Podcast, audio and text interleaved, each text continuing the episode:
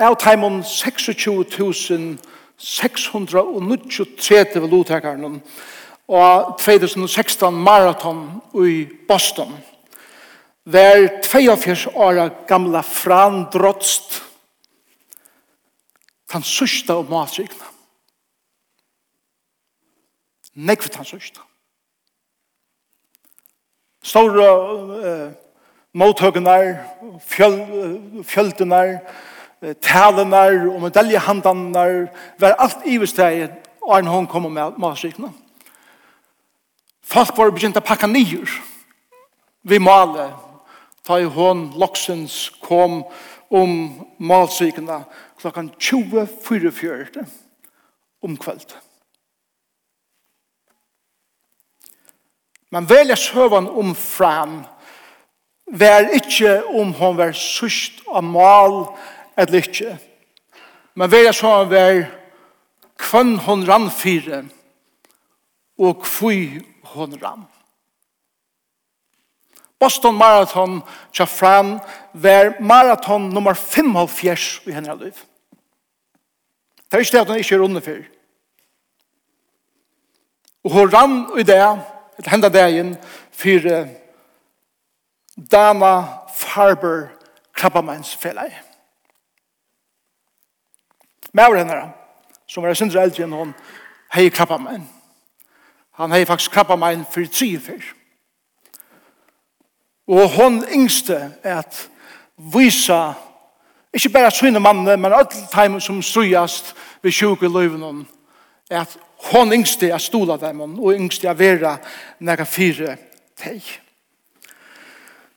Maveren, han stod i malstrykene klokkan 24.40 ensamheter med noen favn og øren og bojava etter henne. Faktisk, en av forsettene parsten mener sin bojar, og de fleste er kommet av mal, så, så får han ivet til en politimann som er nærhendes, og sier vi politimannen at Det er veldig godt at hvis du kunne sendt en bå ut til politimennene som man har styrt eh, som rennen, at eh, bare vidt hver hun må være. At hun ikke er velst, at hun ikke er dotten, og så var Og och som politimaren han kan det så han visste henne fyrir at hun hon jo utan fint, men hon ränner i sin egna tempo. Og loxen så stod han her imot henne da hun kom om matstrykene. Ein tøynda maur stó eisende her ved syner at han ta i, ta i fram kom om strykene. Og han sier såleis om teipa i at han og sier om henne. Det enda vi at herparen, altså han sørste og amal, gjørtust en samler vinnar. Et lov i åren til Jesu, den sørste skal være fest.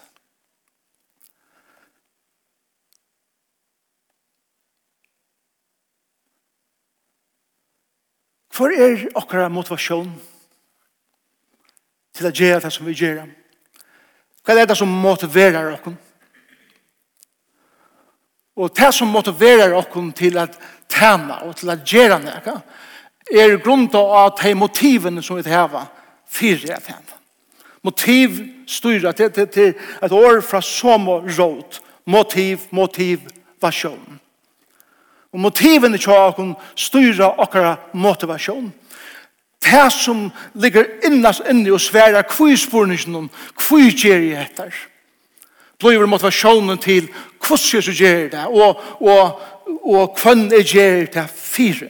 Som det var ikke frem. Hun brente for han som er sjuk og hun gjør det etter. Dette var en motiv og hun klarer i Boston Marathon i 2016. Da vi tar seg om et tema. Vi tar seg om viljan Et tema så innskyr Jesus det motiverer å kunne tjene.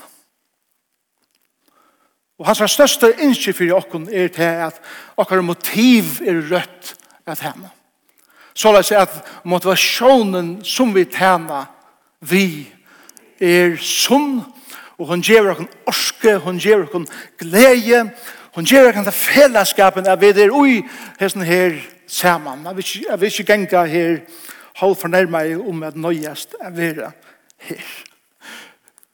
Og jeg må si at her, vi kjøpte noen ødelig som mange år, og disse samkommende, kan vi begynne totalt fra scratch og til hva vi der kommer i det, så jeg kan ikke lade være vi at vi var djupt, djupt imponeret av av tikkene. Og så mange årene som ikke er her i det, som har heldet hemnasen og disse samkommende oppe, vikvatna vikom, månatna månatna, år etter år. Og vi først er det så i kjøkken øtlene vi ikke er motivere Og vi først er det eisen så i kjøkken øtlene at motivene møvelige er skaiv. Men vi er helt i å. Og vi er halvt å. Og vi er færre halvt å, for jeg vet ikke. Tøy er at det som gjør av et halvt å, er til at Jesus motiverer oss til det. Hvordan motiverer Jesus oss til at tjene seg vel? Det gjør han vi at gjør okken en kvitan stein. Og til duksa, hva for jeg nå har kommet vi? Han gjør okken en kvitan stein. Og i oppenberingen, kapittel 2, vers 16, tåsar Jesus til samkomna i Pergamon, som var en sankoma som var i en utrolig hetten bøye, som var i, i trongen omstøvun, som får i djøkna nekva lojengar, men hette folk jo i sankona blei vi og helt av at tæna goden. Og så sier han i vers 16 i kapittel 2 at han som sikrar, og det er alt som har sett seg da, av Jesus Kristus, han som sikrar, sier han først at jeg skal gjøre hånden av henne lønta manna, til han andre tala til henne herfer. Og så sier han, og jeg skal gjøre hånden en kvitan stein, og et nytt navn er skriva av hentan steinen, og ønsken utan tann som fær steinen, veit til navn. Så er spørningen, Fann puttning hei som kvide steinen. Vi okkara uh, mentan og i okkara samfunn hever han kvide steiner lyde og ønske at sia. Men ta og Jesus brukar eina mynd og i oppenberingen, etter at han talar og i lukkelsen og evangelien, så så kjenner han de som han talar til så mykje vel at han veit at ter myndene som han bruker, bruker er og dagligdags mynder og ting, gerandes ting som folk eh, som vi tar så vi kjenner vel til. Og sjåan det er den nekvar imiskar nusler av sin stein og alt etter hver du bor i romerska samfunnet. La meg gjøre til det fyra sannleikar om henne kvita steinen som alt etter hver du varst i romerska rysene og leses i årene visste du at dette er fyrir at motivera meg dette er fyrir at litta meg opp Og talan som er i det er ikke, er ikke at, at, at trusta nye, men hon er at litt av opp. Hon er at gjøre hun motivasjon til å si at det er ikke at bruka mine gaver for herran her som han ser med. Og kanskje er det folk her det som ikke har hørt til lesersamkomna. Må talan det er eisne vi har oppmuntret til at henne her som to erst. Her som to kommer. Og herren sykne til og i to samkomna her som to erst. Herren Det første som hese førstene visste, og som vi lærer i det eisen vi kjente tjeneste, er det at en kvite steiner betydde at hos løster fra atlare skuld. Så ta en rattor, en rattarsøk vær. Så var våre nevningar sånne som det alltid er vært og som det eisen er det. Og ta og så eh, ratteren var livor, og, og alt hadde argumentera sånne søk, så var det nevningar tinge som skulle tega avgjørende. Og i det, jeg vet ikke om jeg skal gå men om man reiser seg og sier sikker eller osikker, her var det at man, den personen som får opp til domaren, han heier en kvidanstein i håndene, og han heier en svarstanstein i håndene. Hvis det svarste steiner var lagt av Boris og domaren, så var maveren eller kvinnan dømt seg. Var det en kvite steiner som var givet domaren, så var det åseg. De var funnet fru. De var frals affær. Og Jesus sier vi okkon, jeg gjevet ikon ein kvitan stein. Månen av en rattar, en rattar seg og tjokken er til at vi er seg. Jeg vet ikke. Vi er seg i fordommeren. Men domaren har sagt sjølver er til ikke domen av meg sjølvan. Og han det her en kvitan stein og sier du er fralser. Du er frals at livet. Og hva er det til? Det er endurløysingen. Det er frelsen. God bjøver det her symboliserer i sin kvita steinen frelsen. Og han sier at to erst setter fryer fra allar skuld at tæna mer frukt. Og hese personen var, var frelsu at liva sitt liv som han vild. Her er det vi kommer til motivene. Om to tæner herren, vi tog motiven er at du ivast ui om han godteger dem, eller elskar dem, så er det tøyne motiv at tæner gode grunda av øtta. Du har alle denne bensje fire, Gjer jeg nu nok fire at det er møvlig affær at vise meg nøye. Og motivasjonen til å tære tæna være stort av øtta, som gjør eisen at maten du tæner på hever unga glede i seg. Det er en byra til at øtten styrer det. Men ta i motivasjonen er at du finner ikke kvida steinen, du, hev, du, du, du er sett fryer, du finner ikke årene fra herren som sier, vet du, jeg elsker det. Jeg har givet her franse. Jeg måtte være det at liv var liv. Hva er det motivasjonen til å åkken og tjene? Ta. Karlajk. Vi, er driven av karlajka til at vi vet at han som vi tjene er fylltur først av karlajka til åkkara og så gjerne fyller han okkon av synen karlæga, så er det så at ta vi tjena sammen, så er motivasjonen etter at det er fantastisk å være vi i her, til er, er ikke over til det, til ikke tog at det må, men til tog at er vil. Og det er måneden av 100 meter sprint og maraton. Det er aller fleste som er fyllt vi og i jøkken, ikke bare her i luften, men nekva stener. De som værer vi i tjenestene, er jo de som vita at er gjer jeg hettar til at er setter frujur at henne. Det betyr ikke at det, at det er først sveve og tungt, først og mågångt, men jeg halte jo av korsene. Det er det første som vi lærer om hentan kvita steinen. Så kvita steinen, og til minnes at det for nekken år så er det jo, hva er proppa nir ui okken, hese årene, det er tog nu ønsken fordøming for de som i Kristi Jesus er. Kjære tid, de årene er galtan de ender det. Hesen steiner så bålig på at Kristus sier vi til det er ønsken fordøming til en løyve. det er Kristus som tige alt av seg selv. Og han sier til dere fri at tjene seg. Og det er motivet og motivasjonen som er at tjene hånden vel. Det er en mynd av såleis som fyra steiner var brukt i romerska rysjen. En annen mynd var hentan er at om ein personer hei um,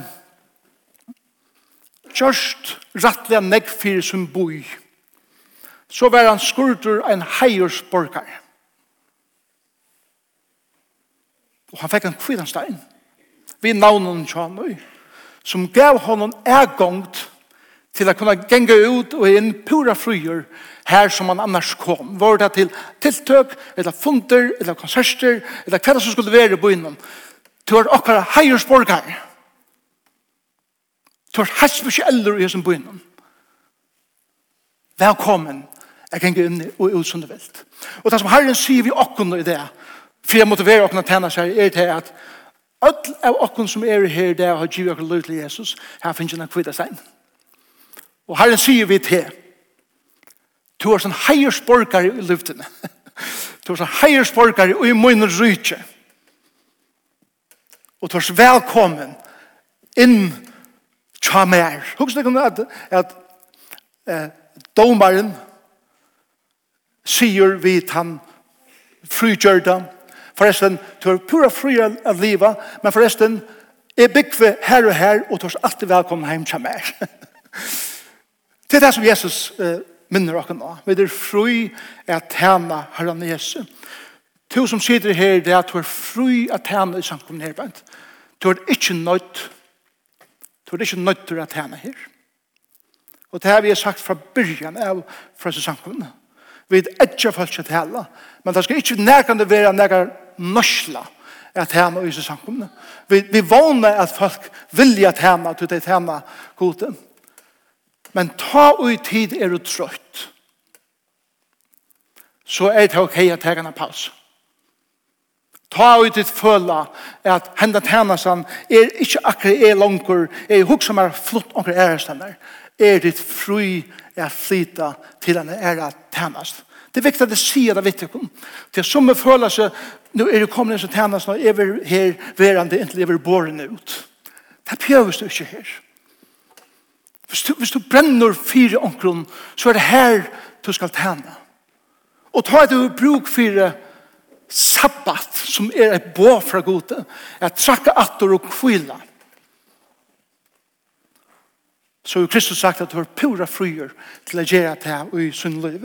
Og så trakka vi den natter, og vi tjener vel, og vi nødger i orske, og alt som vi tjener bruk for. Jesus sier det så ofte av sine lærersvenner, Ta det har haft nekva gjerra.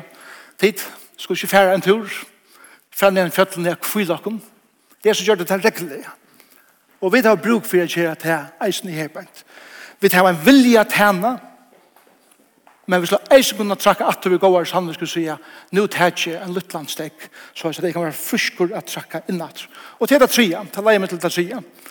Hesen Steineren, han sier at dette er en og hese steinen er et nytt navn skriva. Åren nytt hever vi nødja orsko a gjera. Det hever vi til a gjera er vera fruskur ui tog som tog gjerst. Du køyre det ikke trøytan ui tænasne. Det gjera vi først, jeg gjera mengan, men ta trøtje atur fyrir jeg kunne samla meg orsko, så les at det som jeg kommer vi er frukst.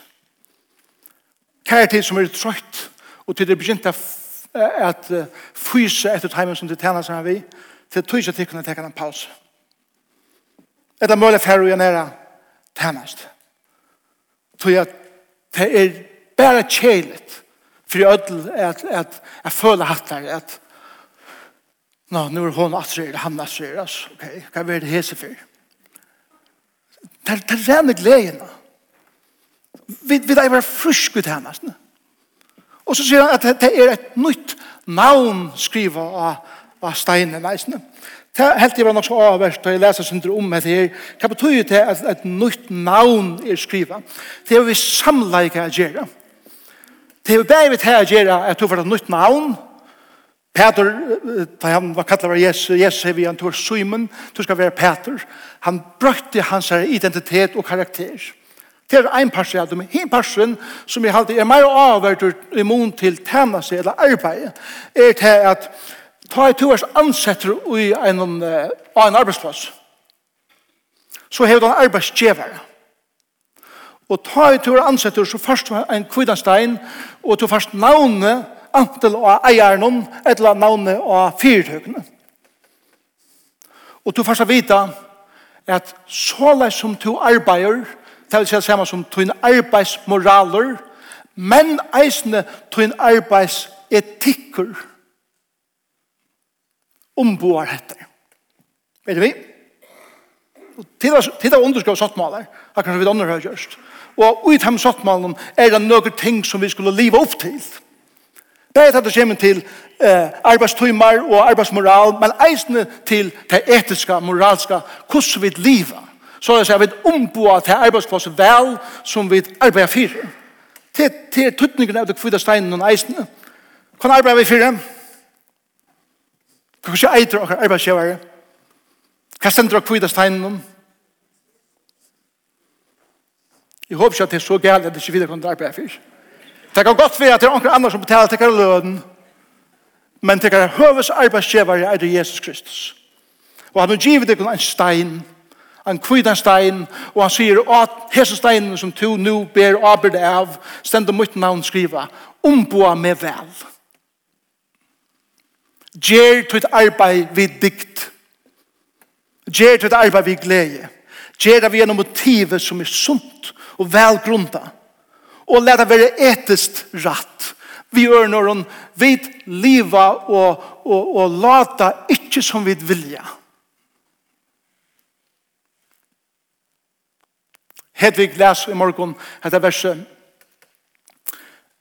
Rein og sånn godstyrskan retta er at vi vidja anker og, og færleis utrongt herre. Og jeg vil halda okken ådolka igjen av heimen. Til at etiske standarden som god seter i økker livet, ta vi tema herren, så ansar vi det etter hvordan vi liva, livet Og jeg vet at vi var ødel rakt av imenskunn løvnum, men vi vet eisende at ta og jeg vil vilja ikke livet opp til den standard som Kristus har sett om en løve, så eier jeg venda vi. Og det er det som kvide steineren lærer oss. Og lær meg så komme til det seneste. Og til dette er at du vil virusmetter for det arbeid som du har gjort. Og i romersk og eh, liken ver, ver til å vi var til noen i Colosseum eller var det meira i uidrøtta var til noen hver det ri om kapp eller hver det så vær så hvis jeg en uidrøtta maver eller en leikmaver og i jøkken nekv år tant og han er iveliva og han er sikra ofta så fikk han at han nekv år en kvitanstein Og at hun kvita stein, man har funnet sånne steinar, imse steinar, bæg i Italien og eisen i Grekaland en kvinnesteiner, og her stender ingravera. Spektakularos. Spektakularos. En skal er spektakular, kommer fra til samme åren. Framurskærande. Og det som Kristus sier vi okkom er til at en dag